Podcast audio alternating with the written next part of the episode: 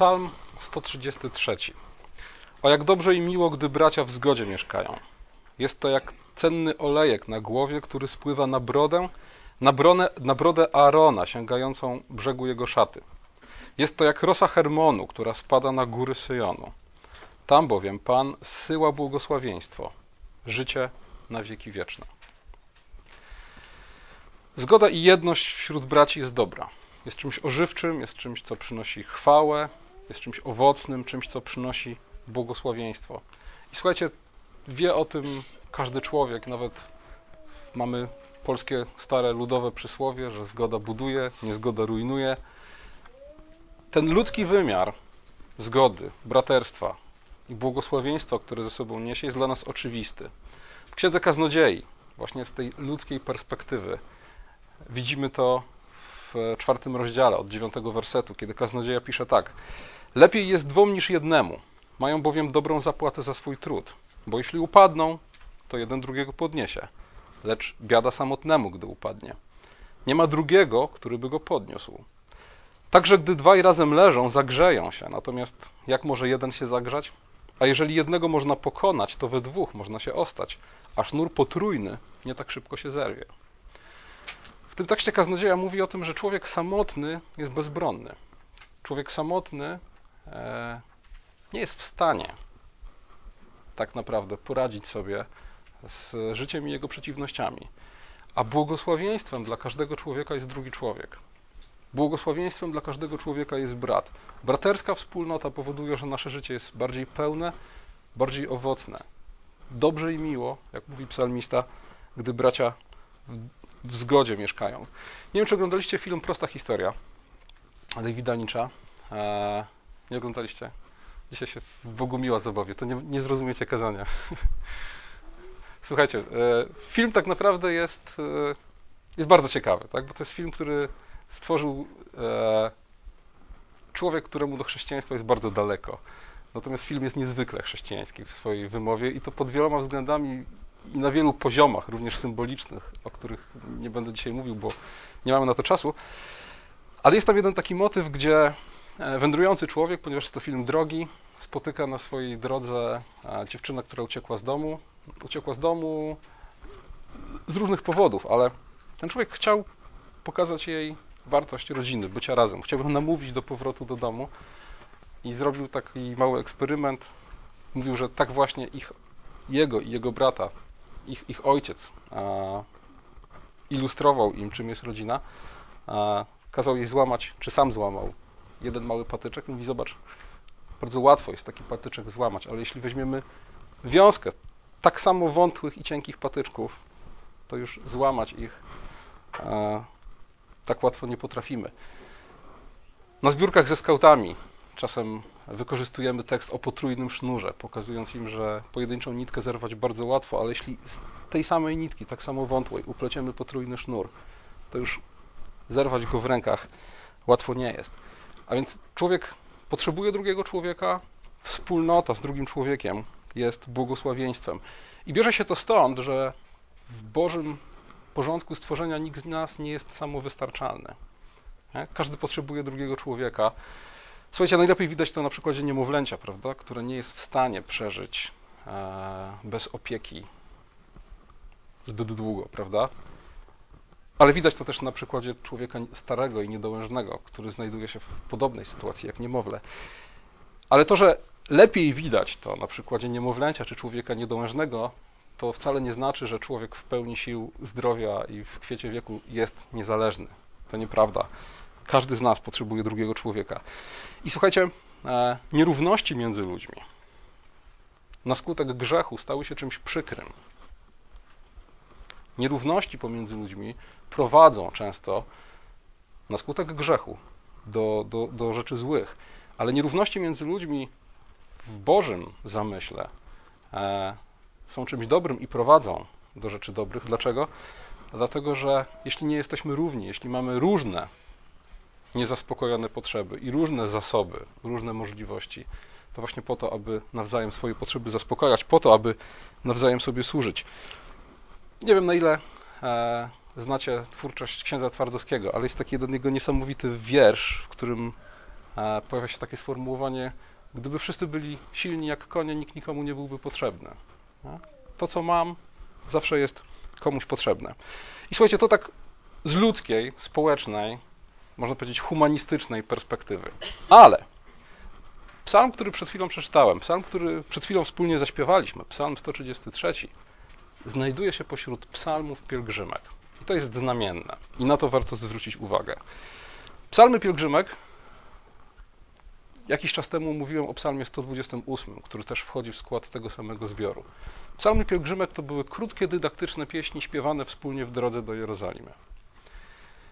One miały przypominać o najważniejszych rzeczach, o których powinniśmy pamiętać, kiedy już staniemy przed Bogiem, kiedy już dojdziemy do Jerozolimy i staniemy przed Jego obliczem w świątyni. A więc psalmy pielgrzymek to takie, można powiedzieć, repetytorium, taka powtórka tych najważniejszych rzeczy, których musimy być świadomi stojąc przed Bogiem. I zobaczcie fakt, że hymn braterstwa, pieśń, która tak naprawdę na pierwszy rzut oka w centrum stawia ludzkie braterstwo, a nie Boga, tak? Znalazła się pośród psalmów pielgrzymstwa, jest znamienna, bo ona przypomina nam o tym, że moje relacje z ludźmi mają znaczenie dla mojej relacji z Bogiem. I że o różnych rzeczach powinienem pamiętać, kiedy już stanę w świątyni Bożej przed Jego tronem. I pośród tych różnych rzeczy powinienem pamiętać o mojej relacji z innymi ludźmi. Krótko więc pamiętaj o braciach, kiedy stajesz przed Bogiem. Pamiętaj o tym, kim oni są dla ciebie, kim ty jesteś i powinieneś być dla nich. I słuchajcie, nie jest to jedyny tekst który nam o tym mówi. Pamiętacie zapewne z Ewangelii Mateusza, 5 rozdział, 23 werset, kiedy Chrystus mówi: Jeśli byś więc składał dar swój na ołtarzu i tam wspomniałbyś, iż brat twój ma coś przeciwko tobie, zostaw tam dar swój na ołtarzu, odejdź i najpierw pojednaj się z bratem swoim, a potem przyszedłszy, złóż dar swój. Nie? Widzicie, w Nowym Testamencie też mamy tekst, który nam mówi: Kiedy idziesz do Boga, pamiętaj o braciach. Kiedy idziesz do Boga, pamiętaj że nie jesteś samotną wyspą, że Twoja relacja z Bogiem nie jest oddzielona od Twojej relacji z ludźmi. W tym konkretnym kontekście oznacza to obowiązek pojednania, czy przynajmniej podjęcia próby pojednania z braćmi, zanim stanę przed Bogiem i złożę swój dar. Ewangelia Jana, 13 rozdział, 35 werset. Po tym wszyscy poznają, żeście uczniami moimi, jeśli miłość wzajemną mieć będziecie. Ten sam apostoł w pierwszym liście swoim, w czwartym rozdziale, od 20 wersetu mówi: Jeśli kto mówi miłuje Boga, a nienawidzi brata swego, kłamcą jest. Kto nie miłuje brata swego, którego widzi, nie może miłować Boga, którego nie widzi. I w ogóle od samego początku, prawda? Dwa największe przykazania, które Chrystus zestawił ze sobą miłość Boga i miłość bliźniego. Od samego początku do samego końca Biblii widzimy, że nie da się oderwać naszej relacji z Bogiem od naszej relacji z ludźmi. Jeden ze starożytnych ojców Kościoła mówił, że nie może mieć Boga za ojca, kto nie ma Kościoła za matkę. I to jest prawda. Tak? Nie można być w relacji z Bogiem, nie będąc e, w Kościele, który jest ciałem Chrystusa. Można iść krok dalej powiedzieć, że Boga za ojca nie może mieć ktoś, kto nie ma Kościoła za matki, a innych chrześcijan za braci. To jest pakiet. Nie? nie możemy przyjąć Boga jako Ojca, nie przyjmując jednocześnie Kościoła jako matki i innych chrześcijan jako braci. I słuchajcie, idąc dalej, e, jakby swoją pełnię ta idea znajduje w obrazie ciała Chrystusa, którym jest Kościół, prawda? Bo tu już pokazuje, że nie tylko jest istotna moja więź z ludźmi, dla mojej więzi z Bogiem, ale pokazuje, że moja więź z Bogiem dokonuje się w sposób nierozerwalny wspólnie z innymi ludźmi. Chrześcijaństwo nie jest religią prywatną. Chrystus nie jest moim osobistym zbawicielem. Chrystus jest zbawicielem ciała, czyli kościoła, którego ja jestem częścią.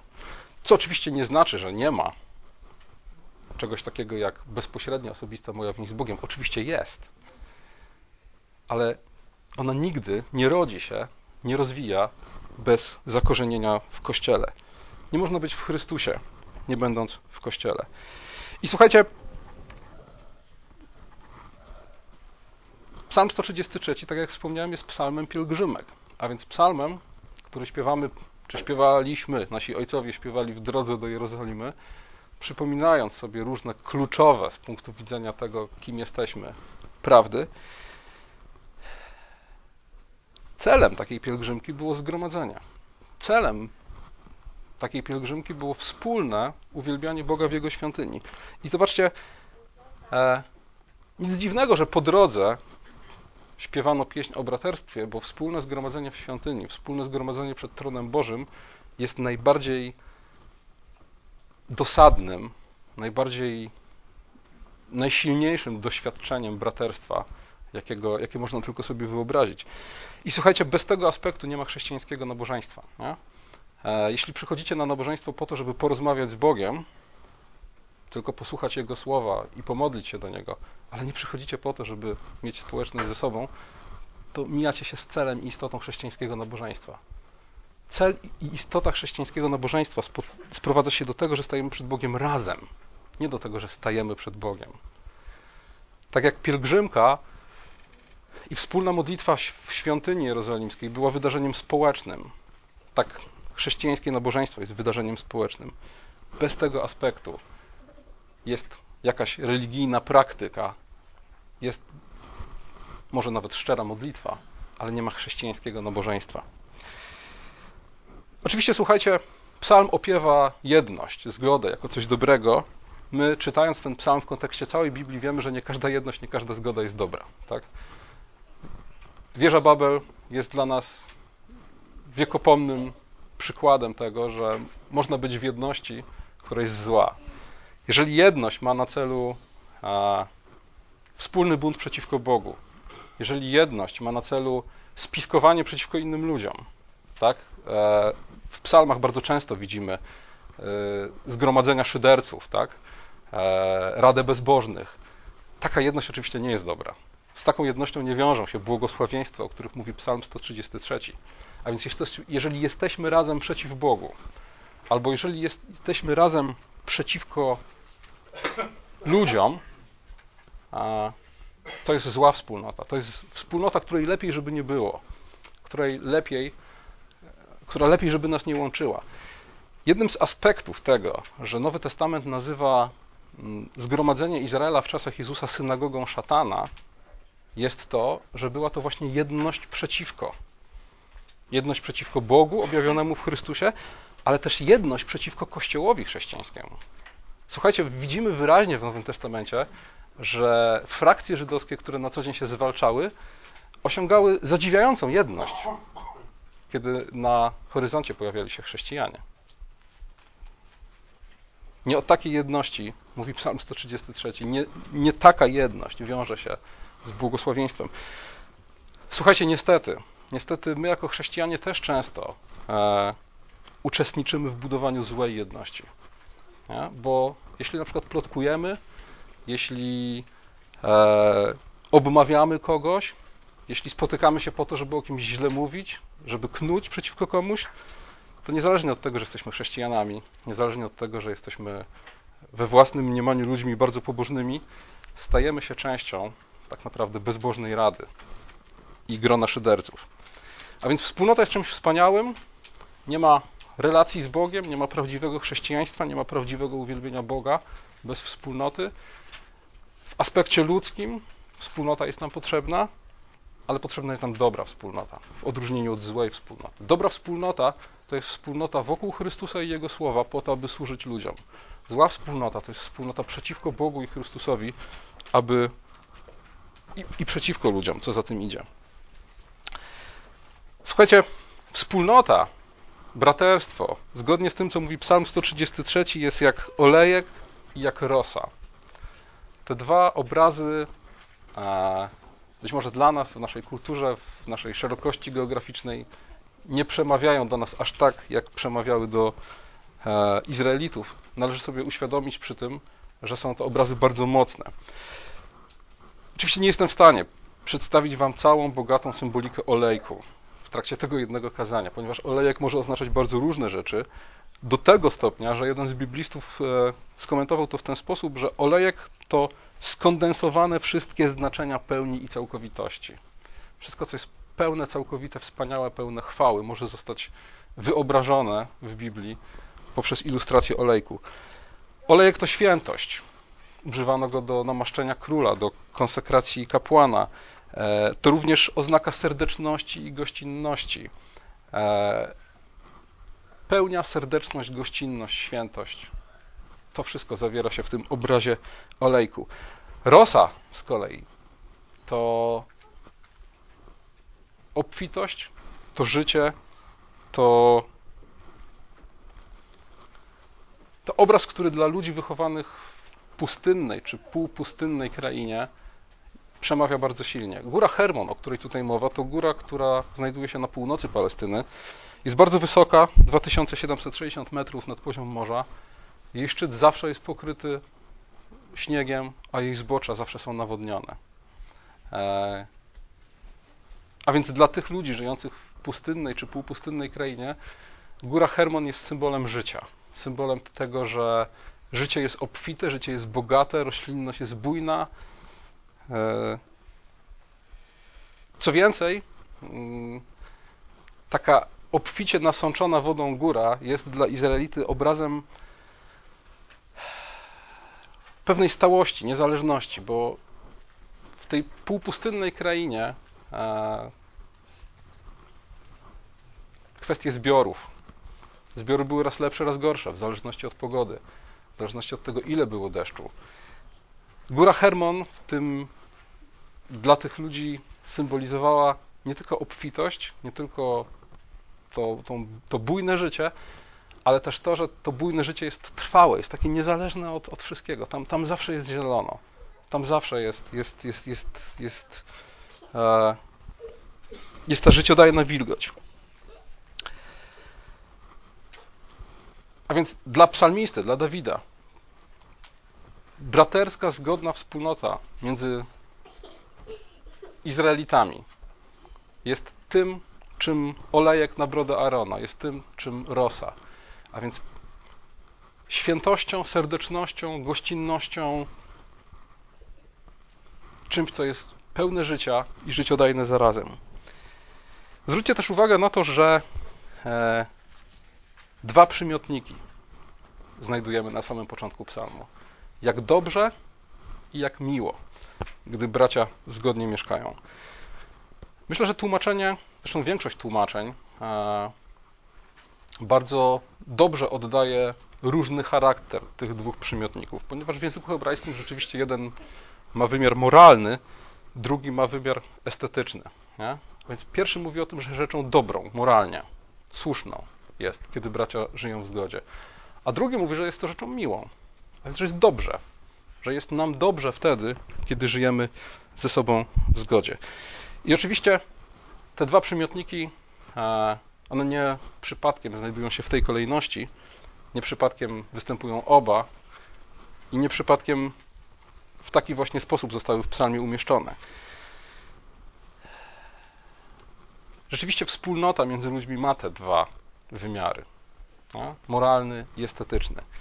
Słuchajcie, może być tak, że jakaś wspólnota, a w jakiejś wspólnocie jest miło, ale nie jest dobrze.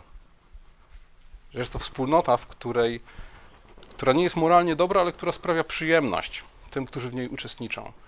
I różnego rodzaju złe wspólnoty, różnego rodzaju loże szyderców czy zgromadzenia e, bezbożnych, o których mówi, mówią psalmy, podejrzewam, że są to, czy, czy były to, czy, czy są e, tego typu społeczności, w którym ludzie się dobrze czują. Bo słuchajcie, często jest tak, że jeśli skupimy się wokół złego, na przykład wokół wspólnego wroga, to to daje nam jakieś poczucie radości i satysfakcji, prawda? Więc jest miło, ale nie jest dobrze. Tym, co psalm wysławia, to wspólnota, w której jest przede wszystkim dobrze, a w konsekwencji miło. Bo najważniejszą rzeczą we wspólnocie jest to, aby była skupiona wokół tego, co dobre, aby tym, co nas łączy, było to, co dobre, w tym wypadku Chrystus, pragnienie służenia Jemu i pragnienie służenia ludziom, a owocem tego jest to, że oprócz tego, że jest dobrze, jest miło. Oprócz tego, że jest dobrze, oprócz tego, że cel moralny, wokół którego się gromadzimy, jest dobry, doświadczamy też radości, która wynika z takiej społeczności. I słuchajcie, oczywiście to nie zawsze jest takie proste, tak? Ten estetyczny aspekt wspólnoty powinien być owocem jej moralnego charakteru. Tam, gdzie jest dobrze, tam powinno być miło. Ale ze względu na grzech, ze względu na różnego rodzaju trudności, w którym zmagamy się w świecie pełnym grzechu, a czasem jest tak, że jest dobrze, ale bardzo długo musimy czekać na to, żeby było miło. To słuchajcie, to jest tak jak w małżeństwie. Jeśli małżonkowie pozostają sobie wierni, to to zawsze jest dobre, prawda? Czy to jest zawsze miłe? Różnie bywa w małżeństwach, prawda? Ale co to znaczy? To znaczy, że jest to wyzwanie i zobowiązanie dla małżonków. Dobrą rzeczą jest, abyśmy dochowali sobie wierności. To jest dobre, w tym trwajmy, a teraz postarajmy się o to, żeby było miło. Jak to Archie Sproul kiedyś napisał, przychodzą do niego pary małżeńskie, które mówią ze łzami, już się nie kochamy. Na co Archie Sproul odpowiada, najwyższa pora zacząć. Najwyższa pora coś z tym zrobić. Psalm opiewa wspólnotę w jej dwóch wymiarach, nie? moralnym i estetycznym, ale musimy pamiętać, patrząc na kontekst całego słowa, że ten moralny wymiar jest najważniejszy, że dbać musimy o to, aby to była dobra wspólnota, skupiona wokół Chrystusa i pragnienia służby ludziom. Natomiast tego estetycznego wymiaru, tego, żeby nam było dobrze, możemy oczekiwać jedynie jako owocu. Jeśli zaczniemy, jeśli porzucimy dbałość o to, żeby to była dobra wspólnota, dobra w sensie skupiona wokół Chrystusa, Jego słowa i pragnienia służenia ludziom, a skupimy się na tym, żeby było miło, nie będzie ani dobrze, ani miło. Chciałbym Wam bardzo serdecznie polecić książkę. Wyślę Wam ją w PDF-ie mailem. E, książkę Dietricha Bonhoeffera Życie Wspólne. Jest to książka, której echa a, słyszeliście w moim kazaniu na temat Symeona i której echa będziecie słyszeć pewnie jeszcze w kilku następnych kazaniach, ponieważ mówi ona o tym, czym jest życie wspólnoty chrześcijańskiej. A, chciałbym dzisiaj kilka fragmentów tej książki zacytować. Mam nadzieję, że one Was zachęcą do tego, żeby książkę przeczytać, ponieważ w niesamowity sposób Bonhoeffer opisuje, czym jest prawdziwa chrześcijańska wspólnota. I właśnie a propos tego, co dobre i miłe, e, Bonhoeffer pisze tak. Pisze o doświadczeniu takiej radosnej wspólnoty, takiej wspólnoty, która właśnie powoduje, że jest nam ze sobą dobrze. Pisze tak. Tego typu doświadczenie pozostaje w tym świecie niczym innym, jak łaskawym dodatkiem do codziennego chleba chrześcijańskiego życia wspólnotowego. My nie mamy prawa rościć sobie pretensji do takich doświadczeń. Żyjemy też razem z innymi chrześcijanami nie ze względu na owe doświadczenia. Nie doświadczenie braterskiego chrześcijaństwa, e, chrześcijańskiego braterstwa wiąże nas razem, ale mocna wiara w braterstwo. W wierze pojmujemy, że Bóg działał w nas wszystkich i że chce działać nadal. Rozumiemy, że jest to największy dar Boży, który nam przynosi radość i błogosławieństwo, ale który też uzdalnia nas, abyśmy, gdy Bóg w danym czasie nie chce do tego dopuścić, zrezygnowali z wszystkich doświadczeń. W wierze jesteśmy złączeni, a nie w doświadczeniu. Wniosek? Jeżeli chcemy zbudować prawdziwie chrześcijańskie braterstwo, musimy szukać tego, co jest istotą chrześcijańskiego braterstwa, a więc tego, że gromadzimy się wokół Chrystusa, wokół Jego słowa, po to, aby Go słuchać, po to, aby je wprowadzać w czyn, po to, aby służyć sobie nawzajem. Doświadczenie chrześcijańskiego braterstwa jest, jak mówi Bonhoeffer, łaskawym dodatkiem do tego, jest owocem, którego powinniśmy z wiarą i cierpliwością oczekiwać. A więc, krótko mówiąc, jeśli budujemy jakąkolwiek chrześcijańską wspólnotę, czy to jest kościół, czy to jest rodzina, czy to jest wiem, szczep harcerski, musimy dbać o to, aby to było dobra wspólnota, modląc się o to, aby była też to wspólnota, w której będziemy się dobrze czuli. Co niszczy prawdziwą chrześcijańską wspólnotę i co jej przeszkadza? Po pierwsze, fałszywa nauka i podziały. Słowo, jeżeli wspólnota ma być dobrą wspólnotą, jeżeli ma być zgromadzona wokół Boga i Jego słowa, to po pierwsze Boże Słowo musi być w niej należycie wykładane i otoczone należytym szacunkiem. Musimy wszyscy, uznawszy autorytet Słowa Bożego, podążać za nim, co oznacza też gotowość na przykład do, e, konfrontacji naszych poglądów, przekonań, zachowań ze Słowem Bożym. Po drugie, musimy unikać podziałów, o których mówi apostoł Paweł w pierwszym liście do Koryntian w trzecim rozdziale. Musimy unikać dzielenia chrześcijan ze względu na drugorzędne e, kwestie. Musimy unikać czegoś, o czym Louis mówił chrześcijaństwo i. Nie? Najprostszy sposób podzielenia kościoła to jest chrześcijaństwo i, a więc sytuacja, w której ludzie gromadzą się razem nie dlatego, że są chrześcijanami, tylko że dlatego, że są, nie wiem, chrześcijanami grającymi w piłkę nożną, tak? Czy chrześcijanami robiącymi to i tamto. Oczywiście takie, nazwijmy to, grupki, kółka zainteresowań, to wszystko ma swój sens i cel. A Luisowi chodziło bardziej o coś innego. O to, żebyśmy gromadząc się wokół innego klucza niż to, że należymy do Chrystusa, nie potraktowali prędzej czy później tego drugiego, wtórnego klucza jako istoty, jako osi naszej społeczności.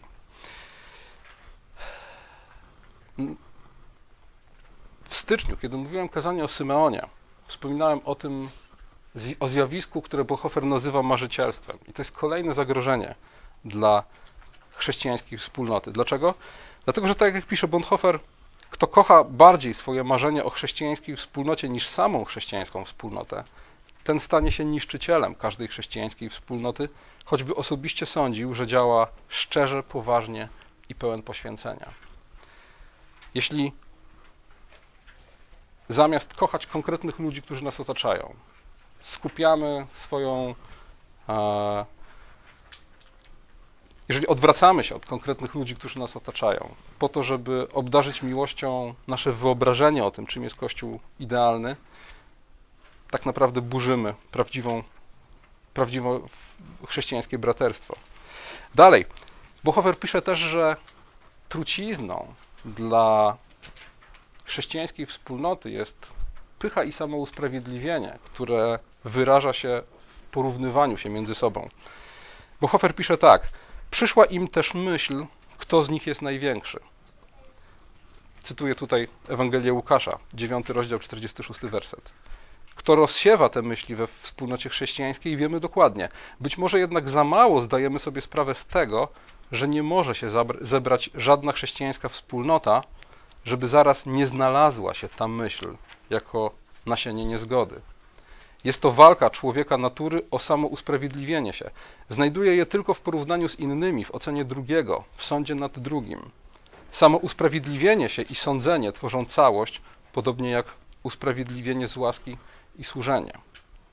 A więc Bohofer pisze tak: jeśli w chrześcijańskiej wspólnocie, co jest rzeczą naturalną, ze względu na działanie diabła, pojawia się myśl, kto z nas jest największy, jeżeli w chrześcijańskiej wspólnocie pojawia się dążenie do samousprawiedliwienia się poprzez porównanie z innymi, nie jest ze mną tak źle, bo są gorsi ode mnie.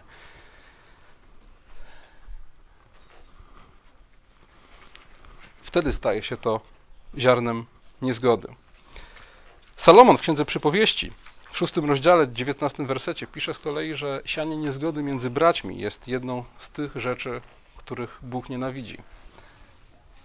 A z kolei czytając ten werset w kontekście całej Księgi Przypowieści, widzimy, że najbardziej rozpowszechnionym sposobem siania niezgody jest złe używanie języka. I znowu, kiedy sięgniemy do listu Jakuba, trzeci rozdział, czy w ogóle do wielu innych fragmentów Nowego Testamentu, zobaczymy, że złe używanie języka jest trucizną każdej wspólnoty. Bonhoeffer w swoim seminarium, które prowadził e, na przedmieściach dzisiejszego Szczecina dla, e, dla przyszłych pastorów kościoła wyznającego, a więc tego antyhitlerskiego, wprowadził tam taką zasadę, że nie wolno było e, mówić o nieobecnym w ogóle. A jeśli zdarzyło się, że ktoś mówił o nieobecnym, miał obowiązek przy najbliższej okazji, jak tylko go napotkał, powtórzyć mu, co o nim powiedziano. Bohofer tłumaczy to w ten sposób. To jest zasadnicza reguła każdej chrześcijańskiej wspólnoty, zabraniająca mówić coś tajemnego o bracie. Również tam, gdzie słowo to pozoruje pomoc i przychylność, bo właśnie w takim przebraniu jawi się zawsze duch nienawiści, który pragnie wyrządzić szkodę. A więc, jeśli widzimy, że wielkim Bożym błogosławieństwem jest wspólnota, jeśli widzimy, że dobrze i miło jest, kiedy bracia razem ze sobą mieszkają, jeśli bracia, jak mówi Biblia Warszawska, mieszkają w zgodzie, to powinniśmy zdawać sobie sprawę z tego, że skoro chrześcijańska wspólnota jest tak wielkim błogosławieństwem, jest ona narażona na wielkie niebezpieczeństwo, ponieważ będąc tym, czym jest, stanowi zagrożenie dla królestwa diabła.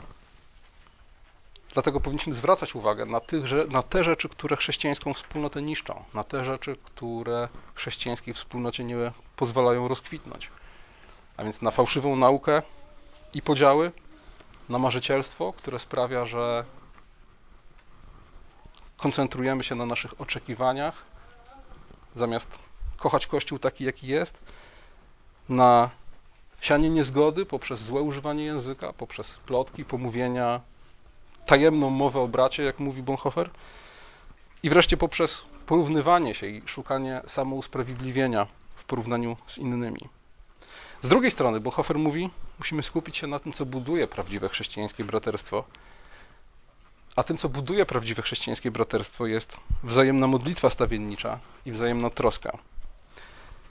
Bonhoeffer pisze tak: Chrześcijańska wspólnota żyje z wzajemnej modlitwy wstawienniczej swoich członków. Żyje albo ginie. Krótko mówiąc, nie jesteśmy w stanie zbudować prawdziwej chrześcijańskiej wspólnoty tam, gdzie się o siebie nawzajem nie modlimy. Brata, za którego się modlę, nie mogę przecież przy całej krzywdzie, jaką mi wyrządza, ani osądzać, ani nienawidzić. Jego twarz, będąca dotąd być może obca lub nie do zniesienia, w modlitwie wstawienniczej przemienia się w twarz brata, za którego umarł Chrystus. Przemienia się w twarz ułaskawionego grzesznika. A więc jak widzicie, Buchofer traktuje modlitwę e, wstawienniczą o siebie nawzajem nie tylko jako modlitwę, którą Bóg wysłuchuje i w odpowiedzi na którą dzieją się dobre rzeczy. On traktuje tę modlitwę jako, e, jakby to powiedzieć, element terapii, prawda? Mówi, jeśli nie możesz patrzeć na swojego brata, to się niego módl, a po jakimś czasie zauważysz, że twarz, która wydawała ci się obca lub nie do zniesienia, stanie się twarzą brata, za którego umarł Chrystus, ułaskawionego grzesznika. To jest jedno uszczęśliwiające odkrycie dla chrześcijanina, który rozpoczyna drogę modlitwy wstawienniczej. Nie ma żadnej odrazy, żadnych osobistych napięć czy skłóceń, których by w modlitwie wstawienniczej nie dało się z naszej strony przezwyciężyć. Modlitwa wstawiennicza to kąpiel oczyszczająca, w której codziennie muszą się zanurzać i wspólnota, i każdy osobiście. W modlitwie wstawienniczej może mieć miejsce twarde zmaganie z bratem, ale związana jest z tym obietnica, że prowadzi do celu. A więc jeśli chcemy zbudować prawdziwie chrześcijańską wspólnotę, taką, która w pierwszej kolejności jest dobra, a jako owoc jest również miła, musimy się o siebie nawzajem modlić. Po pierwsze po to, aby Bóg wysłuchując naszych modlitw mógł robić, czynić dobre rzeczy pośród nas, a po drugie dlatego, abyśmy modląc się o siebie nawzajem e, nie dawali dostępu złym myślom na temat braci, nie dawali dostępu niechęci, nienawiści, chowaniu urazy. Słuchajcie, jest jeszcze jedna rzecz, o której Bonhoeffer tutaj nie pisze, ale która jest, myślę, doświadczeniem każdego, kto, kto kiedykolwiek poważnie modlitwą stawienniczą się, e, w modlitwę wstawienniczą się zaangażował. Jeśli o, kimś, o kogoś się modlisz, to o nim myślisz. No. Jeśli o kogoś się modlisz, to dużo łatwiej przychodzi ci pamiętać o jego potrzebach, o tym, że możesz mu w jakiś sposób pomóc i usłużyć. Jeśli co dzień wspominasz kogoś w modlitwie, prędzej czy później przypomnisz sobie o tym, że oprócz modlitwy możesz zrobić dla niego coś jeszcze. Wzajemna troska obok wzajemnej modlitwy wstawienniczej jest tym, co jest niezbędne do zbudowania prawdziwej wspólnoty. I jak zawsze, zgodnie z ewangeliczną zasadą, wzajemna troska o ciało oznacza, jak mówi apostoł Paweł, głównie troskę o członki wstydliwe, o członki słabe, i do tego Bonhoeffer pisze: Wykluczenie słabych oznacza śmierć wspólnoty. Wspólnota żyje i rozwija się tylko tam, gdzie wzajemna troska oznacza troskę o słabych. A więc widzicie, dobrą, wspaniałą, wielką rzeczą jest wspólnota. Zarówno w ludzkim, jak i w boskim wymiarze. Tak zostaliśmy stworzeni, że nikt z nas nie jest samowystarczalny. Potrzebujemy ludzi zarówno w ludzkim wymiarze, w sprawach codziennych, jak i w kwestii naszej wiary i dojrzałości. Nie ma czegoś takiego jak prywatne chrześcijaństwo. I Bóg zapyta każdego z nas nie tylko o to, ile czasu poświęcaliśmy Jemu, ile uwagi poświęcaliśmy Jemu, ile w naszym życiu było słowa i modlitwy, ale zapyta też nas, ile w naszym życiu było braterstwa. Czy idąc do świątyni z pieśnią pielgrzymek na ustach, pamiętaliśmy o braciach? Czy szliśmy tam po to tylko, żeby spotkać się z Bogiem, w izolacji, w oderwaniu od Kościoła, czy też szliśmy tam po to, aby spotkać się z Bogiem pośród i w jedności z Bożym ludem? Czy idąc, składając swój dar, pamiętaliśmy o tym, że należy najpierw pojednać się z braćmi, czy też o tym zapominaliśmy? Czy budowaliśmy wspólnotę poprzez modlitwę wstawienniczą o innych i poprzez okazywanie innym troski, czy też ją burzyliśmy? Czy to poprzez fałszywe nauki, czy to poprzez podziały, czy to poprzez marzycielstwo, czy porównywanie się z innymi, sianie niezgody, plotkowanie, obmowy, czy cokolwiek innego. To jest realny wybór, który staje, staje, przed każdym z nas każdego dnia. Co zrobi dzisiaj ze sobą? Czy to, co będę robił dzisiaj, posłuży zbudowaniu wspólnoty, czy raczej jej zburzeniu? Czy będę dbał o to, aby rzeczywiście dobrze i miło bracia żyli w zgodzie, czy też nie? Słuchajcie, na koniec chciałbym tylko wspomnieć o tym, że e, obchodzimy dzisiaj święto, stąd e, biały kolor liturgiczny. Jest to święto przemienienia pańskiego. E, czytaliśmy fragment z Ewangelii, w którym Jezus ukazał się przemieniony, ukazał się w czymś, co było zapowiedzią Jego przyszłej chwały swoim uczniom, a wraz z Nim ukazali się uczniom Mojżesz i Eliasz. I gdybyście sięgnęli do kazania Bogumiła chyba sprzed dwóch lat, właśnie na temat przemienienia pańskiego, jest w internecie, to Bubu tam pisał o tym, że i mówił, że przemienienie pańskie nie jest objawieniem boskości Chrystusa przede wszystkim, ale przemienionego, przeobrażonego człowieczeństwa. I rzeczywiście, jak spojrzymy na stojącego obok Chrystusa Mojżesza i Eliasza, widzimy, że jaśnieją tą samą chwałą. E, do czego zmierzam? Zmierzam do tego, że tym, czego oczekujemy, będąc ludźmi, których, którzy zostali poddani konsekwencjom grzechu, jest właśnie przemiana, jest chwała. Wiemy, że drogą do tej przemiany i chwały jest śmierć. Dla Chrystusa była to śmierć na krzyżu, dla nas w pewnym sensie też, dlatego że drogą do prawdziwej chwały jest nie tylko fizyczna śmierć, która czeka każdego z nas, ale też umieranie dla grzechu, który jest udziałem tych, którzy zaufali Chrystusowi. Drogi na skróty nie ma. Prawdziwa chwała, prawdziwe przemienienie musi do prawdziwej chwały i do prawdziwej przemiany droga musi wieść przez krzyż, przez śmierć i zmartwychwstanie. I słuchajcie, to przeobrażone człowieczeństwo też, jak widzimy, dokonuje się we wspólnocie. Przeobrażony Chrystus, czy człowiek zbawiony w niebie, czy człowiek zbawiony po zmartwychwstaniu, nie staje się w swej nowej, przeobrażonej, doskonałej postaci niezależny, oderwany. Zbawienie nie jest jakąś nirwaną, w której tracimy kontakt z innymi, poczucie bycia sobą i poczucie społeczności z innymi i poczucie jakichkolwiek potrzeb. Zbawienie w chrześcijańskim ujęciu to, są, to jest raczej pełne zaspokojenie wszelkich potrzeb. To jest raczej społeczność pełna radości i pozbawiona jakichkolwiek e, niedoskonałości. Przemienienie, którego oczekujemy, jest przemienieniem, którego oczekujemy wspólnie. Chrystus przyszedł oczyścić, przysposobić jako pełen chwały nie każdego z nas osobna, ale, jako, ale jak, nas jako Kościół.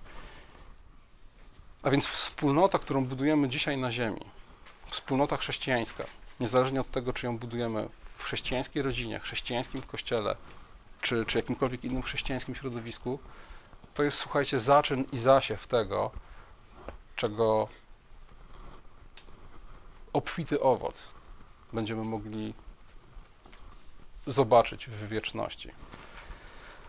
Dlatego słuchajcie, w tym sensie Kościół jest przed smakiem tego, czym jest niebo i naszym zadaniem, naszym wyzwaniem jest dorastać do, do tych standardów Królestwa Bożego, które Chrystus wyznaczył nam w swoim słowie, a możemy to robić pełni nadziei, że tą samą mocą, którą Bóg ostatecznie doprowadził do chwały Chrystusa, tej chwały, której przedsmak uczniowie mogli zobaczyć na górze przemienienia, możemy wierzyć, być pewni tego, że tą samą mocą do tej samej chwały doprowadzi każdego z nas a, i cały Kościół Chrystusowy. Amen.